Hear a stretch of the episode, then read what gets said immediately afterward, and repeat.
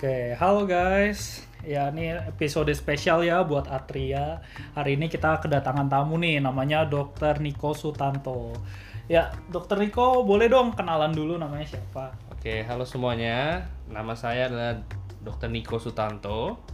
Saya lulusan dari Atma Jaya angkatan 2012. Sekarang sedang mendalami bidang ortopedi. Kegiatannya sekarang apa nih? Saat ini saya lagi persiapan untuk PPDS. PPDS apa? Orto? Ortopedi. Oke, mantap. Berarti udah belajar banyak ya soal ortopedi. Oke. Bisa dibilang begitu.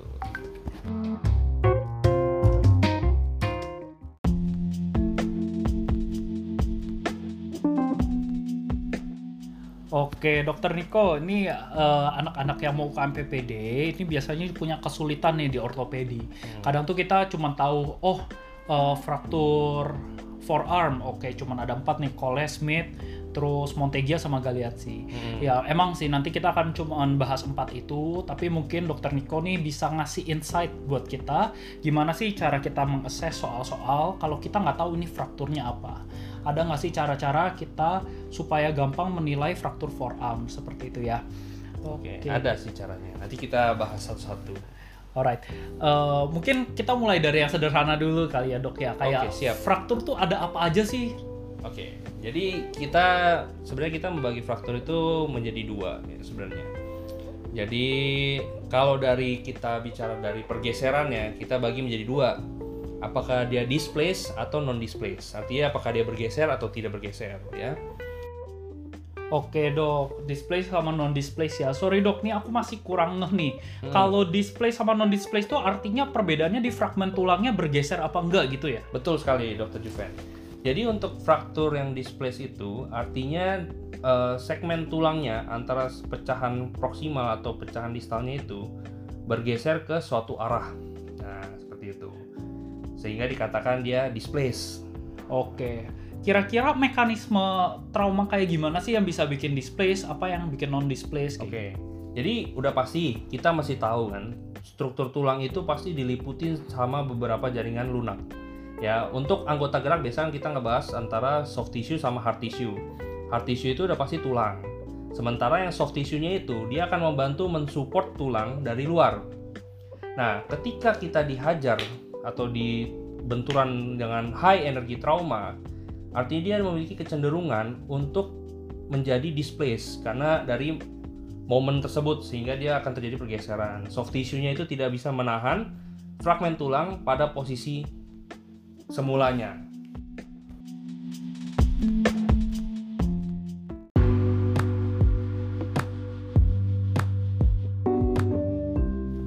Oke dok, berarti kalau saya patah tulang, terus ada fragmen tulang yang geser, berarti itu udah pasti displace ya dok ya.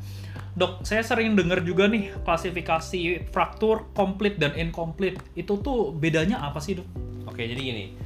Kalau untuk fraktur incomplete, kalau kita melihat X-ray gitu ya, kita akan melihat di dalam X-ray itu dua korteks, artinya dua sisi dari satu tulang yang sama. Ya. Nah, kalau misal dia fraktur incomplete, artinya dia hanya salah satu dari korteksnya tersebut yang fraktur, tapi sisi lainnya itu tidak patah. Itu dinamakan sebagai incomplete. Nah, kalau complete, artinya udah jelas-jelas itu kedua korteksnya, kiri kanan itu pun patah. Gitu. Oke dok, kapan sih dok saya sering ketemu incomplete atau complete? Misalkan ada usia tertentu nggak dok? Ada. Biasa untuk eh, incomplete itu tersendiri, biasa lebih sering pada anak-anak. Kenapa pada anak-anak? Karena anak-anak itu memiliki selubung tulang atau yang kita sebut sebagai periosteum itu sangat tebal dan lentur sehingga benturan kuat itu tetap tidak bisa mematahkan korteks sisi sebelahnya. Tapi kalau misalnya pada dewasa, kita lebih sering temukan itu komplit. Kenapa bisa komplit? Karena peri periosteum pada tulang dewasa itu dia lebih tipis dan rigid, jadi dia kaku, kurang fleksibilitasnya, jadi gampang sekali patah. Oke dok, ini tuh kalau di anak-anak kita sering dengar namanya green stick fracture. Itu tuh termasuk fraktur incomplete, betul nggak dok?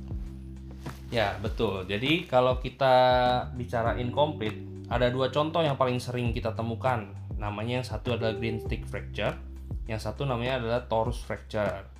Nah, kalau green stick itu kita mengambil sebagai eh, suatu analogi yang kita ambil dari dahan suatu tumbuhan. Di mana kalau kita patahkan dahan, pasti ada sisi yang masih melekat sisi korteksnya, sementara yang satunya lagi sisinya itu udah patah. Jadi kita ana- analogikan seperti itu. Kalau torus fracture itu biasa dia karena faktor kompresi, di mana dia tertekan sisi distal tertekan ke sisi proksimal sehingga dia seperti membentuk suatu piramid di masing-masing sisinya. Oke dok, berarti kalau green stick analoginya seperti tumbuhan muda yang kita coba patahkan seperti itu ya dok ya. Dia lebih ke arah membengkok dulu ya dok ya. Betul. Eh, terus kalau torus itu seperti eh, pilar ya dok ya. Kita Iya. kompresi sehingga bagian bawah pilarnya ada sedikit eh, pelebaran seperti Betul, itu ya betul, dok ya. Dua-duanya incomplete ya dok ya. Dua-duanya incomplete. Oke deh dok. Berarti kita udah belajar displace, non displace, incomplete dan complete. Ada lagi nih dok yang sering denger nih dok, open fracture sama close fracture. Itu apa sih dok? Oke, jadi kalau open fracture atau close fracture itu sesuai dari namanya, kita akan membagi berdasarkan luka di mana lokasi tulang tersebut patah. Jadi kalau close fracture itu dia tidak ada luka sama sekali. Kalau open fracture ada luka, sekecil apa pun lukanya kita sebut itu sebagai open fracture. Gitu. Oke dok. Eh, let's say dok, misalkan aku kebentur nih, kebentur meja sampai fraktur, let's say. Terus eh, ada nih luka, tapi lukanya lecet doang, nggak nyampe kelihatan tulang dok. Tapi ternyata di bawahnya tulangnya patah. Itu open fracture apa enggak ya dok? Jadi untuk open fracture tersendiri itu kita harus memiliki koneksi antara lingkungan sama tulang tersebut. Jadi kalau misalnya yang seperti dokter eh, analogikan tadi, dokter terbentur meja atau sesuatu sehingga ada lecet dan patah tulang itu belum termasuk sebagai open fracture. Open fracture itu harus ya itu tadi ada hubungan tersebut. Jadi dasarnya harus tulang. Oke, kalau lecet belum dasar tulang, belum kelihatan frakturnya, belum open fracture ya dok ya? Betul. Oke deh dok. Kira-kira ada lagi nggak sih dok eh, tipe-tipe fraktur yang selain yang saya sebutkan tadi dok? Tipe-tipe fraktur yang lainnya itu berdasarkan bentuk dari fraktur itu sendiri ya. Jadi ada yang frakturnya transverse, ada yang bentuknya oblik, ada yang bentuknya spiral, ada yang bentuknya wedge, semacam wedge seperti segitiga tersebut. Jadi dia terfragmentasi istilahnya gitu. Oke dok, boleh nggak dok jelasin? Coba deh satu-satu dari transverse dulu deh dok. Itu eh, gimana sih dok fraktur transverse? Jadi ini sebenarnya eh, karena mekanisme sebenarnya ya, karena mekanisme dari trauma tersebut. Jadi kalau misal transverse itu biasanya karena traction force. Jadi dia tulangnya tertarik, jadi dia akan membentuk patahan seperti transverse. Tapi kalau misalnya oblik, oblik itu berarti dia compression force. Jadi dia tertekan dari atas ke bawah, dia akan membentuk patahan yang oblik. Kalau untuk spiral sendiri itu karena mekanismenya dia karena akibat perputaran atau rotasi sehingga dia membentuk patahan yang spiral. Oke. Berarti misalkan tulang panjang nih dok, saya taruh dari kiri ke kanan. Mm-mm. Kalau patahannya itu arahnya tegak lurus dengan tulang yang saya jejerkan dari kiri ke kanan, berarti patahannya arahnya dari atas ke bawah seperti itu, itu transverse dok, betul? Betul. Transverse. Oke. Dia lurus, tidak membuat membentuk sudut sama sekali, dia Oke. lurus. Tapi kalau ada sudutnya dan lurus, artinya membentuk sudut itu langsung oblik gitu ya dok? Kita sebut sebagai oblik. Nah, kalau melingkar, patahannya itu arahnya spiral. Betul. Oke. Nah, cuma kita bagaimana membedakan spiral sama oblik ini sendiri karena dua-duanya sama-sama miring kalau kita lihat kan dari ronsen atau nanti dari foto misalnya. Kalau untuk yang spiral, kalau kita lihat dari gambar anterior posterior atau AP view, kita akan melihat segmen dari posterior cortex. Jadi kita bisa melihat bagian anterior cortex, terus dia ada tumpang tindih sama yang posterior cortexnya. Jadi kita bisa melihat dua cortex sekaligus depan belakang, sehingga kita bisa namakan itu sebagai fraktur spiral.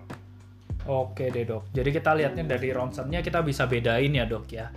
Oke deh dok. Kita take a break sebentar dok. Habis itu kita bahas sedikit soal forearm ya dok. Kita mulai masuk nih ke soal-soal juga nanti ya. Baik dokter.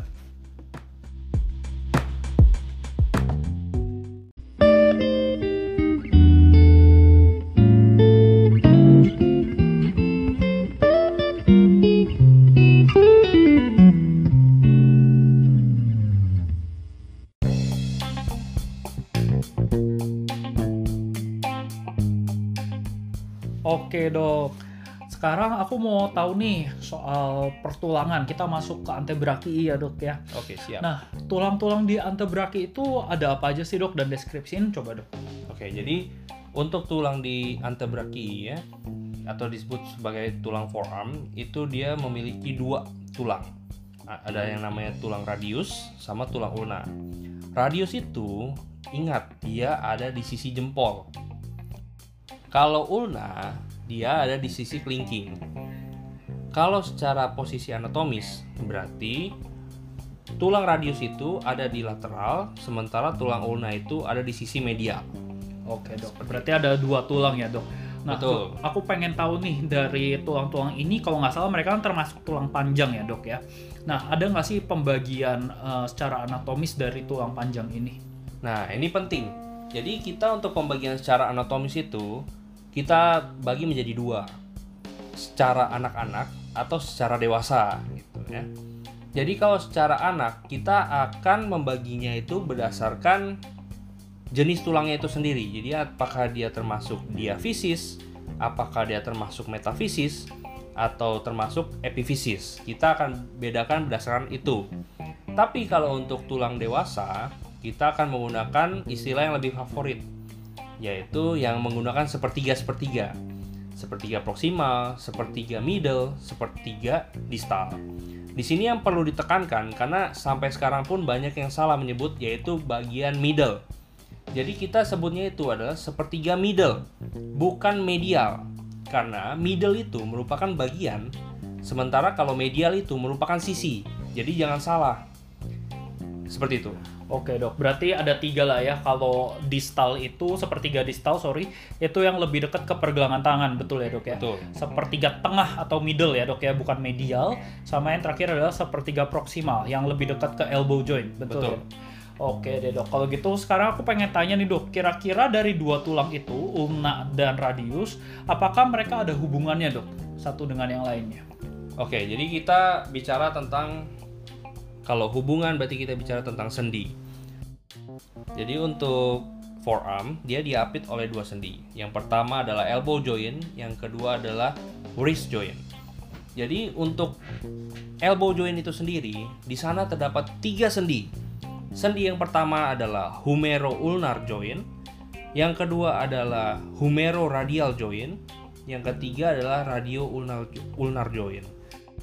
Kemudian untuk di wrist joint itu ada dua juga, yaitu radiocarpal joint sama radio-ulnar joint juga. Oke dok, berarti eh, aku coba recap ya dok ya. Berarti kalau yang di sendi siku itu ada tiga, humero radius, humero ulnar, sama radio ulnar. Kalau yang ada di wrist ada dua ya, radio karpal sama radio ulnar. Berarti radio ulnar ada dua ya dok, betul ya dok? Ya, radio ulnar itu ada dua, ada yang di proximal, ada yang di Distal. Distal. Ya? Oke deh dok. Eh, boleh tahu nggak dok, eh, kalau untuk radio ulnar joint ini ada yang penting nggak sih dok untuk pergerakan dari forearm sendiri? Oke, jadi untuk radio ulnar sendiri itu fungsinya itu untuk pronasi dan supinasi. Jadi untuk gerakan pronasi dan supinasi di mana si tulang radius itu dia akan mengitari si tulang ulna. Sehingga dia membutuhkan dua joint. Jadi yang di bagian proksimal sama di bagian distal. Seperti itu. Fungsi untuk pronasi dan supinasi. Oke dok.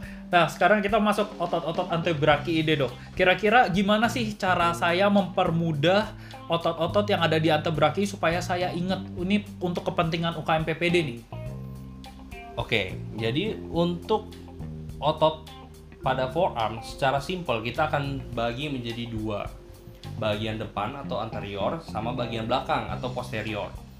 Nah, untuk otot kita akan bahas dulu syarafnya karena otot itu bergerak berdasarkan syaraf. Jadi untuk secara mudah bagian anterior itu akan diisi oleh dua syaraf. Syaraf medianus sama syaraf ulnaris. Kalau untuk bagian posterior akan didominasi oleh nervus radialis. Gitu.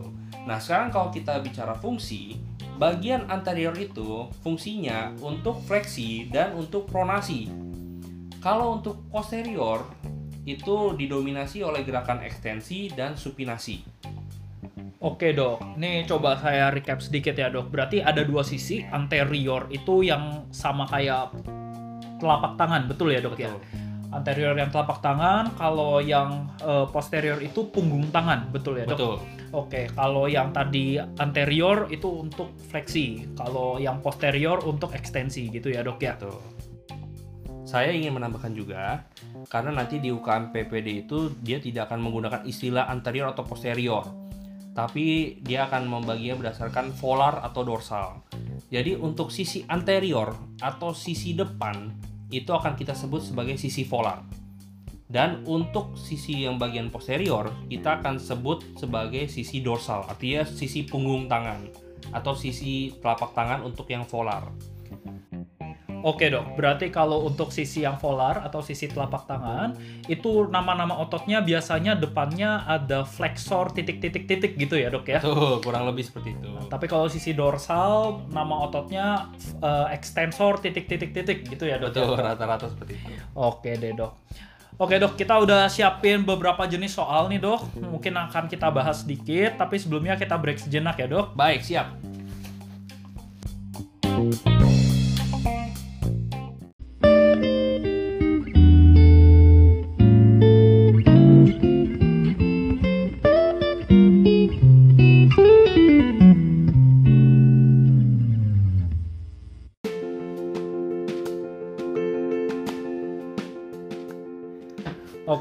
Kita ke soal pertama ya, Dok.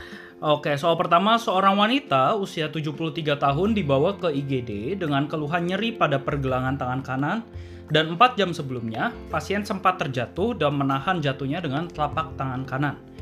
Pada pemeriksaan fisik didapatkan perfusi dan sensasi dalam batas normal, namun pada pergerakan pasif didapatkan rasa nyeri. Nah, saat di ronsen pasien memiliki gambaran dinner fork deformity. Apakah temuan yang dapat dilihat pada ronsen ekstremitas atas dekstra pada kasus ini A. Fraktur ulna distal B.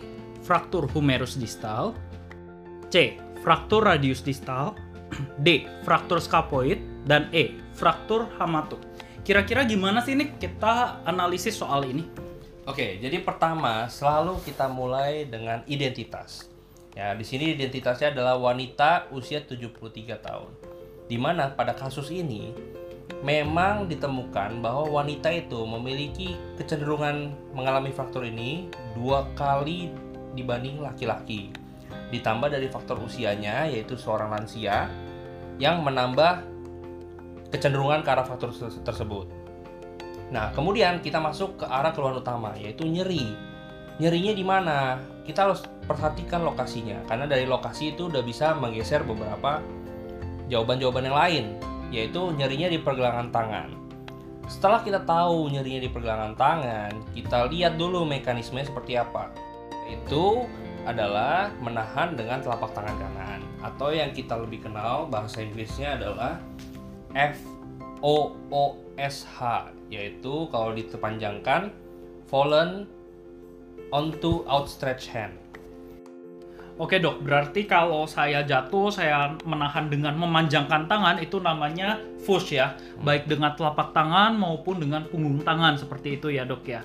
Betul. Oke, Eh, lanjut dok, kira-kira apa lagi yang bisa dianalisis? Nah, di sini kata kunci yang paling penting itu adalah pasien ini memiliki gambaran dinner fork deformity. Ya, dinner fork deformity itu merupakan ciri khas dari fraktur koles. Fraktur koles itu apa? Fraktur koles itu adalah fraktur dari distal radius.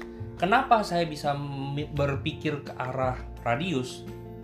Dari mekanisme jatuhnya tersebut dan lokasi nyeri. Ketika kita jatuh dan menahan dengan telapak tangan, artinya beban jatuhan kita akan ditransmisikan dari distal ke proksimal.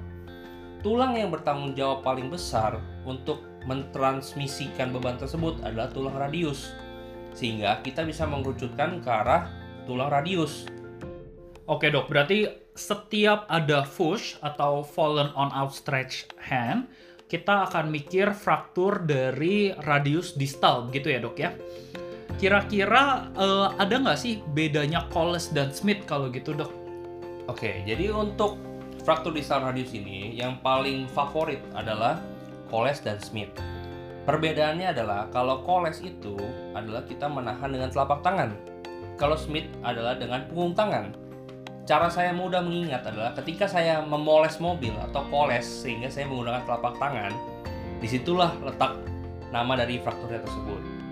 Nah, kalau dari segi radiologi, kalau yang koles adalah segmen distal dari fraktur itu akan membentuk sudut ke arah dorsal atau ke arah punggung tangan.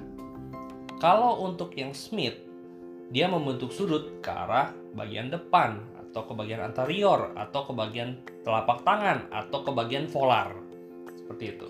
Oke, berarti kita bisa bedain uh, Coles dan Smith itu berdasarkan patahan segmen distalnya ya dok ya.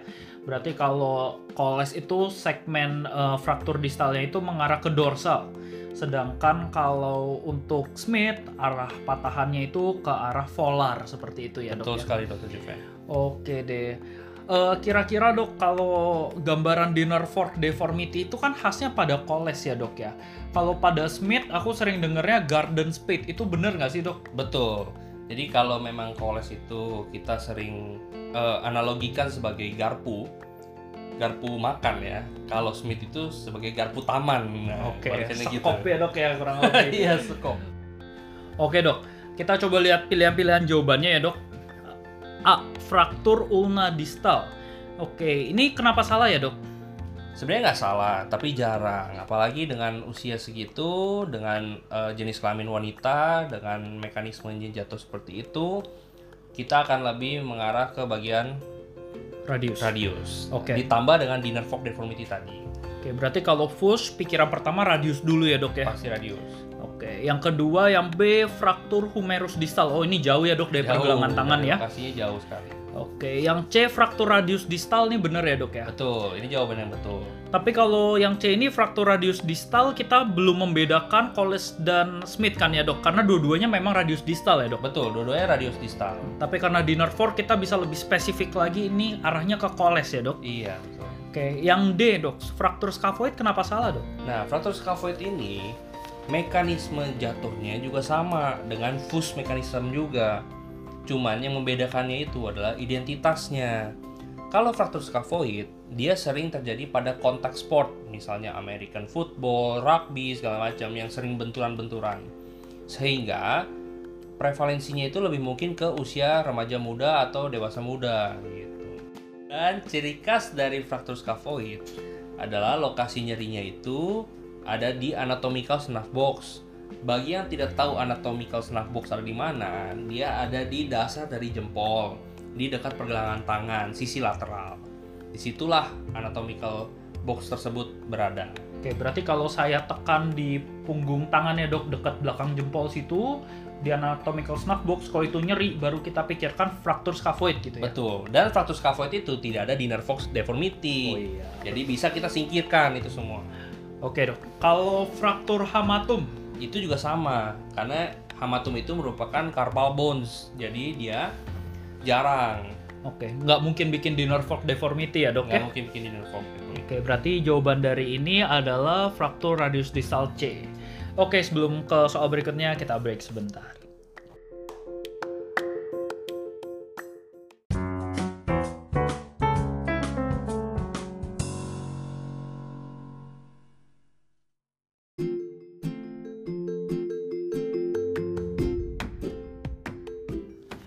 Oke dok, kita ke soal kedua. Seorang anak laki-laki usia 8 tahun datang ke IGD dengan keluhan nyeri pada daerah lengan bawah kiri, di dekat siku terutama saat digerakkan. Beberapa jam sebelumnya, pasien mengalami kecelakaan lalu lintas dan lengan bawah kirinya sempat terbentur dengan keras. Pada pemeriksaan fisik, ditemukan nyeri tekan dan range of motion yang terbatas pada sendi siku. Pada pemeriksaan X-ray ditemukan fraktur pada ulna proximal sinistra dengan dislokasi kaput os radius. Apakah diagnosis yang paling tepat dari kasus ini? A. Fraktur Coles B. Fraktur Smith C. Fraktur Montegia D. Fraktur Galeazzi E. Fraktur Boxer Oke, Dokter Niko, kira-kira ini gimana sih kita analisis kasusnya? Baik, jadi selalu kita mulai dari analisis soal. Yang pertama yang kita analisis adalah identitas. Di sini identitasnya adalah seorang anak laki-laki usia 8 tahun. Di mana pada fraktur ini memang yang paling sering itu menyerang adalah anak-anak usia 4 sampai 10 tahun. Jadi dari segi usia dia cocok. Kemudian kita bahas dari keluhan nyeri. Keluhan nyerinya itu ada di lengan bawah, dekat sikut, terutama saat digerakkan. Jadi lokasinya adalah lengan bawah ya. Kemudian dari mekanismenya tadi. Mekanismenya adalah direct trauma. Jadi benturan secara langsung ke lengan kiri bawah akibat kecelakaan tersebut. Sehingga menimbulkan deformitas yang pada gambaran X-ray-nya disebutkan bahwa terdapat fraktur dari proximal ulna dan dislokasi dari kaput radius. Nah, bagi yang tidak tahu kaput radius ada di mana, kaput dari radius itu ada di proksimal, sementara kaput dari si ulna ada di bagian distal. Jadi biar tidak terbalik. Nah, Oke dok, aku rekap. Berarti kalau ada dislokasi kaput os radius, maksudnya dislokasinya dekat dengan eh, sendi siku. Kalau dislokasi dari kaput os ulna itu lebih dekat ke arah pergelangan, betul ya dok? betul. Oke dok, kalau seperti ini kira-kira ada fraktur ulna dan dislokasi, bisa nggak sih dok kita langsung merule out Coles dan Smith? Karena dari soal sebelumnya kan kita bahas Coles Smith sama sekali tidak ada dislokasi dok. Betul, bisa sekali kita langsung rule out aja Coles dan Smith. Karena Coles dan Smith itu yang tadi saya sudah jelaskan, dia fraktur dari distal radius tanpa disertai combo, yaitu dislokasi. Nah, untuk kasus dengan fraktur disertai dislokasi pada kasus di forearm, kita akan mendapatkan dua kata yang paling favorit, yaitu Montegia dan Galeasi. Bedanya, Montegia itu ada di bagian proksimal, Galeazzi itu ada di bagian distal. Kalau Montegia yang fraktur itu adalah ulna, kalau Galeazzi yang fraktur itu adalah radius. Kalau Montegia yang dislokasi itu adalah kaput dari radius, kalau Galeazzi yang dislokasi adalah kaput dari ulna. Seperti itu. Oke dok, aduh dok banyak banget nih radius ulna radius ulna, bingung nih dok. Ada nggak sih cara gampang buat kita ngafalin ini? Oke, kalau saya pribadi, saya ngafalinnya sih mager. Tapi bukan berarti mager males ya. Tapi mager sini adalah suatu singkatan, yaitu MAGR. M-nya adalah Montegia, A-nya ini sedikit maksa sih, ulna, A gitu ya. Sementara G-nya itu adalah Galeasi dan R-nya itu radius. Artinya, kalau Montegia yang fraktur itu ulna, kalau Galeasi yang fraktur itu radius. Seperti itu. Oke, aku tambahin sedikit ya dok. Ini ada cara gampang ngafalin dislokasinya juga nih. Kita lihat kata Montegia ada huruf A, Galeazzi ada huruf Z. Nah, anggaplah A itu proksimal di awal, Z itu di akhir. Jadi kalau Montegia dislokasinya itu letaknya di proksimal, radio ulna proksimal. Sedangkan kalau Galeazzi huruf Z berarti dislokasinya itu letaknya di radio ulna yang distal seperti itu ya. Betul sekali. Berarti Montegia kombonya apa aja? Eh, satu, dia ada fraktur ulna proksimal, dislokasinya kaput os radius. Sedangkan kalau Galeazzi, dia frakturnya letaknya di radius, dislokasinya kaput os ulna. Seperti itu ya dok ya? Betul. Oke deh dok, kita coba lihat ya pilihan-pilihannya. Tadi Coles dan Smith kita rule out langsung karena di Coles dan Smith tidak ada dislokasi ya dok ya? Betul. Galeazzi di sini kita rule out karena frakturnya ulna, sedangkan Galeazzi harusnya frakturnya radius. Radius. Oke. Kalau yang E dok, fraktur boxer itu apa sih? Kalau fraktur boxer itu dia letaknya tidak di forearm, tapi dia letaknya adalah di metakarpal 5 di jari kelingking. Sebenarnya fraktur boxer ini lebih ditemukan bagi para petarung yang amatir, di mana mereka memukul menggunakan sisi bagian jari manis dan jari kelingking. Kalau yang sebenarnya itu kita akan menggunakan metakarpal 2 dan metakarpal 3 karena sesuai dari aksis dari transmisi energi tersebut. Wah, ini dokter ngerti banget. Berarti ini boxer ini maksudnya petinju ya dok ya? Petinju. Oke, dokter ini calon petinju apa gimana nih dok? Nah, ini salah satu benefit dari belajar ortopedi. Oke deh, mantap sekali dok. Berarti boxer fracture tuh frakturnya bukan di ulna, tapi di metacarpal 5, begitu ya dok? Betul. Oke deh dok. Eh, kalau gitu kayaknya dua soal ini aja dok. Kira-kira apa sih take home point dari belajar fraktur antebraki dok?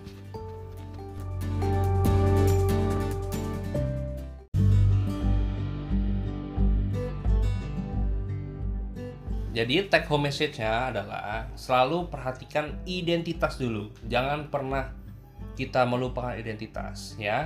Kemudian lokasi nyerinya. Karena biasanya pasien datang dengan keluhan nyeri. Nah, yang ketiga, pelajari juga mekanismenya seperti apa. Sehingga di situ kita bisa mengkonfirmasi antara lokasi dengan nyerinya tersebut. Kemudian kita masuk ke arah PF. Dari PF itu biasa kita bisa menemukan tanda-tanda kayak lokasi nyerinya kita konfirmasi lagi. Kemudian ROM-nya seperti apa atau range of motion. Kemudian masuk ke pemeriksaan penunjang melalui X-ray. Nah, dari X-ray ini bisa dengan jelas kita tentukan karakteristik frakturnya atau dislokasi seperti apa, seperti yang di contoh soal yang tadi. Nah, kemudian untuk fraktur yang paling sering di bagian forearm itu kan tadi ada empat ya, Coles, Smith, Montegia, Magaleasi. Kalau Coles dan Smith itu nggak usah pusing, itu hanya fraktur distal radius, tidak ada kombonya. Nah, tinggal arah dari fragmennya ke mana. Kalau Coles itu dia membentuk sudut ke arah punggung tangan atau dorsal, kalau Smith itu dia membentuk sudutnya ke arah volar gitu. Dan kalau Coles di nerve fork deformity, kalau Smith itu garden garden spade ya. Nah, kemudian kalau yang ada combo yaitu Montegia sama Galeazzi. Montegia di proximal, Galeazzi di distal. Montegia itu ulna, Galeazzi itu yang fraktur radius. Kalau Montegia itu yang di slok itu kaput radius, kalau Galeazzi itu yang di slok kaput ulna. Seperti itu. Oke deh dok, thank you banyak dok atas waktunya. Kita doain ya dok supaya keterima di PPDS Ortopedi ya dok. Amin. Terima kasih banyak semuanya. Oke teman-teman, thank you udah bergabung dengan Atria Cash di minggu ini. Kita lihat teman-teman lagi di minggu berikutnya.